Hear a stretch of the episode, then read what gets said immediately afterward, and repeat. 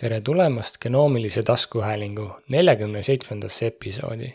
minu nimi on Mikk Tooming ning antud taskuhäälingus süvenen genoomika ja geneetika põnevasse maailma. taskuhäälingus tuleb juttu viimastest läbimurretest DNA uuringute alal kui ka geenitehnoloogiat ümbritsevatest eetilistest küsimustest ning teadusuudistest. head kuulamist! Eesti Teaduste Akadeemiale laekus tänavu kaksteist kandidaati kolmele uuele akadeemilisele ametikohale biomeditsiini valdkonnas kandideerib ametikohtadele viis teadlast. Nende seas professorid Toivo Maimets, Pärt Peterson, Tanel Tenson, Tõnis Timmusk ja Margus Viigimaa erinevatest ülikoolidest, instituutidest.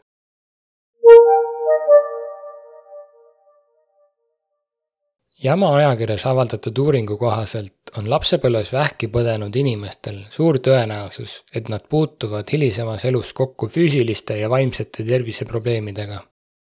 üheksakümne viiel protsendil neist on neljakümne viie aastaseks saades tekkinud märkimisväärsed terviseprobleemid, mis on seotud nende vähi või raviga. Nende probleemide hulka kuuluvad hormoonide tasakaalustamatus, reproduktiivtervise probleemid, luu- ja lihaskonna probleemid kognitiivsed häired ja palju muud. ligikaudu kolmandik lapsepõlvevähi üleelanutest, kellel on hiljem terviseprobleeme, seisavad silmitsi tõsiste või eluohtlike krooniliste terviseprobleemidega, kusjuures kõige sagedasemad tüsistused on endokriinsüsteemi häired, hilisemad kasvajad, ebanormaalsed kasvajad ja südame-veresoonkonna haigused uuringust selgus ka, et lapse ja vähktõve üleelanutel on võrreldes üldrahvastikuga suurem risk depressiooni ja enesetapu tekkeks.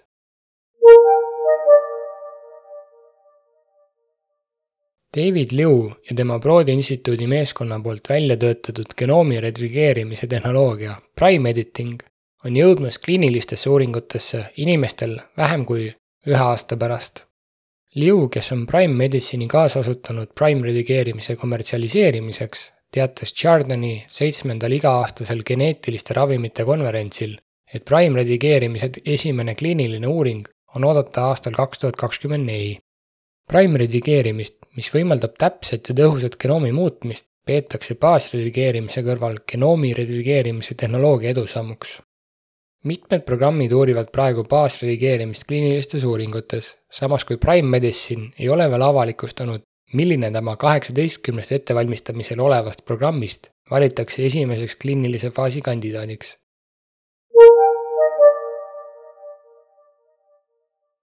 vastsündinute genoomi järjestamise projekte viiakse läbi kogu maailmas, kusjuures lähenemisviisid on erinevad mis on tingitud erinevustest elanikkonnas, tervishoiusüsteemides ja haiguste levimuses.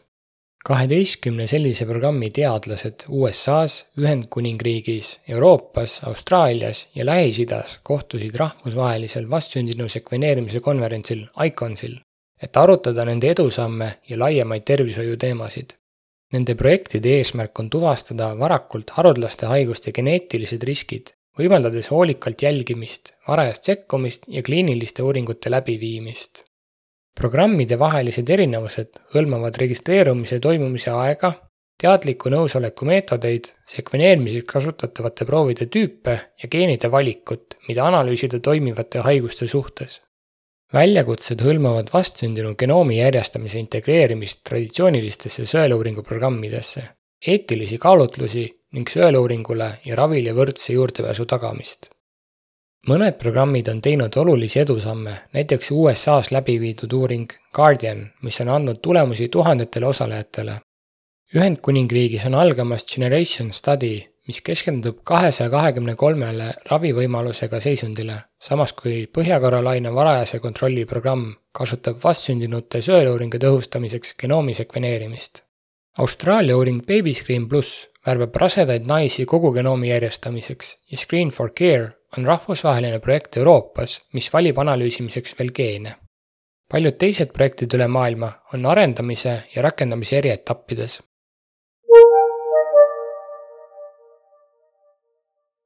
Genomics England on avaldanud esialgse nimekirja üle kahesaja haruldase haiguse, mida sõelutakse põlvkonnauuringu raames, mille eesmärk on kindlaks teha, kas vastsündinute genoomi sekveneerimine võib aidata avastada ja ravida haruldasi geneetilisi haigusi varem. uuringu käigus analüüsitakse üle saja tuhande NAS-i haiglates viibiva lapse DNA-d ja eeldatavasti tuvastatakse viissada kuni tuhat osaleja puhul diagnoosikahtlused, mis võimaldavad varakult testimist ja ravi. nimekiri hõlmab esimese viie eluaasta jooksul ilmnevaid NHS-i Englandi sekkumise kaudu ravitavaid haigusi. Nimekirjas on muuhulgas raske kombineeritud immuunpuudulikkus ja biotinidaasi puudulikkus loetelu võib areneda vastavalt uutele uuringutele ja tõenditele ning meeskond teeb koostööd haruldaste haiguste kogukondade ja organisatsioonidega, et seda pidevalt ajakohastada. uuring algab aasta lõpuks. Merki Keitruda pembrolizumab ravimiga ravitud kopsuvähiga patsientide hõlmavas kliinilises uuringus leiti, et tsirkuleeriva kasvaja DNA ehk ctDNA tase oli pärast kaheksanädalast ravi tihedalt seotud radiograafilise vastusega. uuring nimega BR kolmkümmend kuus keskendub metastaatilise mitteväikerakk kopsuvähiga patsientidele ja selle eesmärk oli kindlaks teha CTDNA kliiniline kasulikkus kliinilistes uuringutes ravivastuse varajase indikaatorina. Uuringu esimene etapp hõlmas viitekümmet kopsuvähiga patsienti, kes ei olnud varem keemia- ega immuunoteraapiat saanud vereproovid koguti enne ravitsükleid ja nende ajal ning ctDNA dünaamikat hinnati täiustatud sekveneerimismeetodite abil. viieteistkümnel patsiendil ilmnes molekulaarne vastus, mis näitab positiivset ravivastust pikema elulõimusperioodiga. uuring näitas ka, et ctDNA vastus korreleerus hästi kasvaja paranemisega vastavalt kehtestatud kriteeriumitele. esimese etapi edukad tulemused on viinud teise etapi kavandamiseni mis uurib CTDNA molekulaarsel vastusel põhineva ravi kohandamise eeliseid ja võib potentsiaalselt sillutada teed CTDNA kui immuunoteraapia vastuse varajase indikaatori regulatiivsele heakskiitmisele. CTDNA valideerimine ravimite heakskiitmise varajase lõpp-punktina on olnud vedelbiopsiate valdkonnas oluline eesmärk ja need leiud tähistavad selles suunas olulist edasiminekut selle valdkonna edendamiseks on ülioluline luua tugevamad korrelatsioonid CTDNA tulemuste ja pikaajaliste kliiniliste tulemuste vahel nii patsiendi kui ka uuringu tasemel. FDA on välja andnud juhendi eelnõu CTDNA kasutamise kohta ravimite väljatöötamisel, rõhutades vajadust tugevamate seoste järele pikaajaliste tulemustega. Kasvav ärihuvi andmekogumite loomise ja nende ühenduste loomise vastu on ilmne hiljutiste uuringutes ja ZTD-na seireanalüüside käivitamisel.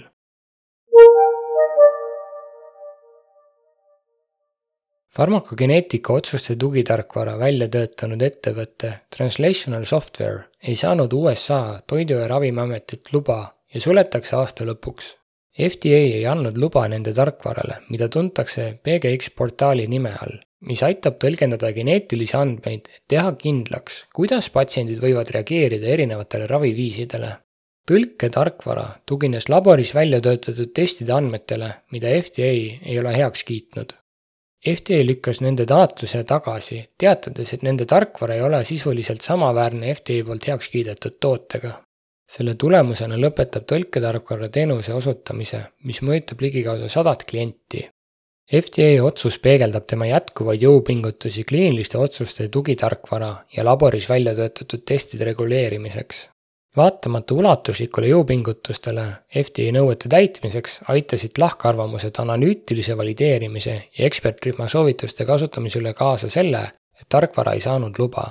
Translational Software tegevjuht Don Rule märkis, et nad ei saanud neist lahkarvamustest üle ja FDA heakskiidu puudumine viis ettevõtte sulgemiseni. häkkerid on koostanud andmebaasi, sisaldades ligi miljoni inimese geneetilise teabe, kes on Askenazi juudi päritolu ja seda on jagatud tumedates veebifoorumites. andmed sisaldavad nende ees- ja perekonnanimesid, sugu ja teavet nende põlvnemise kohta. Rikkumine näib olevat pärit 23andMe kasutajatelt, kelle paroolid varastati teistelt saitidelt ja kes seejärel kasutasid ära geneetilise testimise teenuse ulatuslikku juurdepääsu kasutajate geneetilistele andmetele ettevõte käsitleb lekkeid ehtsatena ja uurib praegu juhtumit. lekkinud andmed koostasid häkkerid, kellel oli juurdepääs funktsioonile DNA relatives, mis võimaldab kasutajatel otsida geneetilisi vastseid. ettevõte võtab probleemi tõsiselt ja jätkab uurimist. Utrechti ülikooli meditsiinikeskuse teadlased ja kaastöötajad on välja töötanud uue meetodi kesknärvisüsteemi kasvajate kiireks klassifitseerimiseks operatsiooni ajal. tehnika ühendab ülikiire nanopoorse sekveneerimise ja masinõppe algoritmid ning pakub potentsiaali kirurgiliste otsuste langetamise suunamiseks. kesknärvisüsteemi kasvaja tüüpi on raske enne operatsiooni määrata ja olemasolevad meetodid on sageli ebatäpsed teadlased töötasid välja sügavama õppimise vahendi nimega Sturgeon, et klassifitseerida kesknärvisüsteemi kasvajad, kasutades hõredaid nanopoolse sekveneerimise andmeid. reaalsetes intraoperatiivsetes stsenaariumites saavutas Sturgeon õiged diagnoosid üheksakümne minuti jooksul, hõlbustades kirurgiliste otsuste tegemist. meetodil on potentsiaali avaldada märkimisväärset mõju patsientide tulemustele ja seda võib tulevikus rakendada ka teiste vähivormide puhul Imperial College Londoni teadlased on välja töötanud koos Oxford Nanopore'iga uudse nanopoolse sekveneerimise põhineva töövoo. see tööprotsess võimaldab üheaegselt analüüsida mitut liiki biomarkereid ühes proovis. kombineerides nanopoolse sekveneerimise ja DNA ribakoodiga molekulaarsed sondid, näitasid teadlased, et nad suudavad kiiresti ja kulutõhusalt tuvastada erinevaid analüüte, sealhulgas mikroRNA-d, valke ja väikemolekule. meetod pakub tundlikku ja täpset platvormi mitut liiki analüütide avastamiseks ja kvantifitseerimiseks ühe molekuli lahutusvõimega. see on paljulubav areng potentsiaalsete diagnostiliste rakenduste jaoks, eriti täppismeditsiini kontekstis. tehnoloogia võimaldab tuvastada mikroRNA-sid inimproovides, mis suudab selle sobivaks kliiniliste biomarkerite tuvastamiseks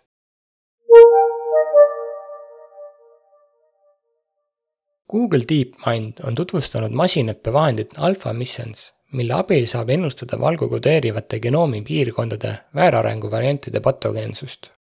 see tööriist on koolitatud valgujärjestuse põhjal ja kasutab seotud järjestusi evolutsioonilisi piiranguid, et klassifitseerida missense variandid patogeenseteks või healoomulisteks.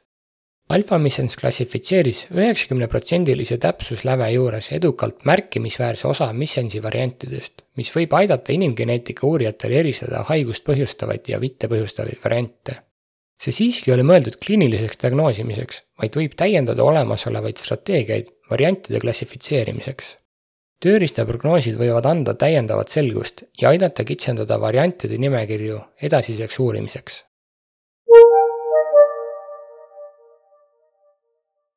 Euroopa Komisjon nõudis, et Illumina lõpetaks Graili omandamise ja järgiks selle käigus teatavaid põhimõtteid tehingu lõpetamine peab taastama Graili sõltumatuse, kõrvaldades konkurentsile tekitatud kahju.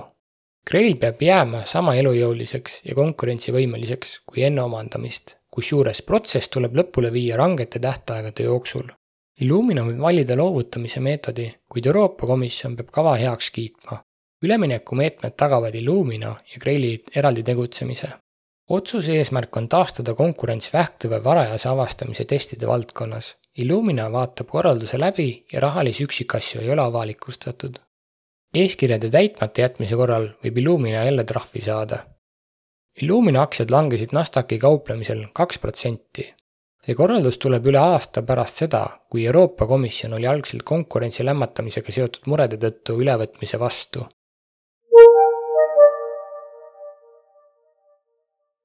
Deacon Genomics, varem tuntud kui Nugen Technologies, on esitanud kaks hagi USA Delaware'i ringkonnakohtus. Nad väidavad, et sellised ettevõtted nagu Invitae, ArcherDX, Integrated DNA Technologies ehk IDT ja Kiagen on rikkunud tema patente, mis on seotud nukleiinhapete rikastamise ja suure läbilaskevõimega sekveneerimismeetoditega. asjaomased patendid hõlmavad erinevaid meetodeid, sealhulgas sihipärast nukleiinhapete rikastamist ja sekveneerimise raamatukogude loomist, samuti dubleeritud lugemite tuvastamise meetodeid. Dekan väidab, et tema tehnoloogia on nende ettevõtete pakutavate teatud toodete ja teenuste aluseks. Nad taotlevad kohtuprotsessi, kahju hüvitamist ja ettekirjutusi, et vältida edasist rikkumist mõlemas kohtuasjus kui märkasid mõnd huvitavat uudist, soovid genoomilise pusa osta või sul on küsimusi, saad mulle kirjutada genoomiline at gmail.com. leiad mind ka Instagramist. tänan, et olid minuga ja head sekveneerimist!